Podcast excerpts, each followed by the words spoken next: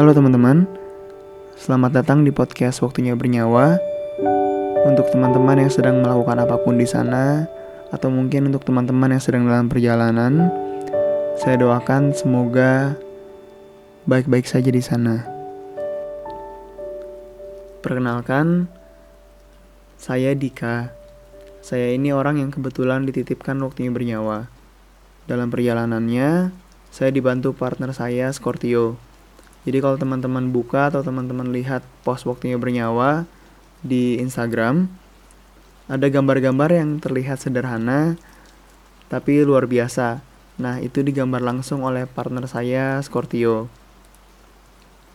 Dan mungkin untuk yang belum tahu dan mau lebih tahu sebenarnya apa itu waktunya bernyawa, saya boleh ya cerita sedikit.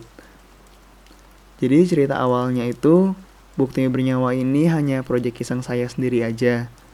Waktu itu saya memutuskan untuk mau mencoba, menantang, dan mengeksplorasi hal-hal baru. Apalagi nih yang bisa saya lakukan. Dan kenapa namanya waktunya bernyawa? Karena teman-teman ngerasa gak sih? Atau teman-teman pernah ngalamin gak? Ketemu orang yang kelihatannya utuh. Tapi waktu kita kenal lebih dalam, oh ternyata dalamnya tuh rapuh ya. Terus kelihatannya satu, tapi setelah kita gali lebih dalam, ternyata cuma separuh. Terus banyak banget yang sibuk melatih raga, tapi kok membuang nyawa ya?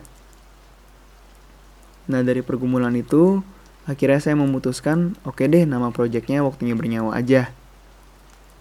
Singkat cerita, akhirnya waktunya bernyawa ini bisa masuk ke platform baru podcast.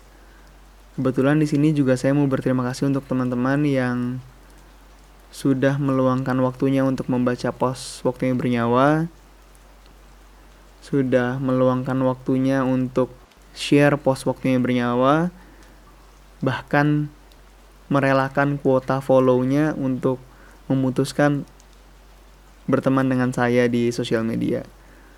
Dan memang rencana podcast ini sudah ada di kepala dari lama sih. Cuma waktu itu saya punya mimpi dan saya berjanji mungkin podcast ini akan saya lakukan waktu ada 10.000 manusia, ada 10.000 jiwa-jiwa yang akhirnya berteman dengan saya di waktunya bernyawa. Dan ternyata saya diberi kemudahan untuk mewujudkan mimpinya. Akhirnya ada 10.000 jiwa-jiwa di luar sana, ada 10.000 teman-teman yang mau ada di satu perahu dengan saya di waktunya bernyawa.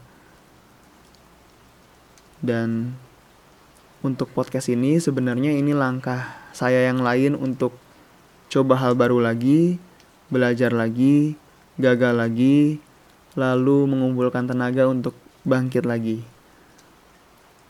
Semoga teman-teman suka. Semoga podcast ini bisa menemani teman-teman di mana pun, kapan pun, dan dalam suasana hati apa pun.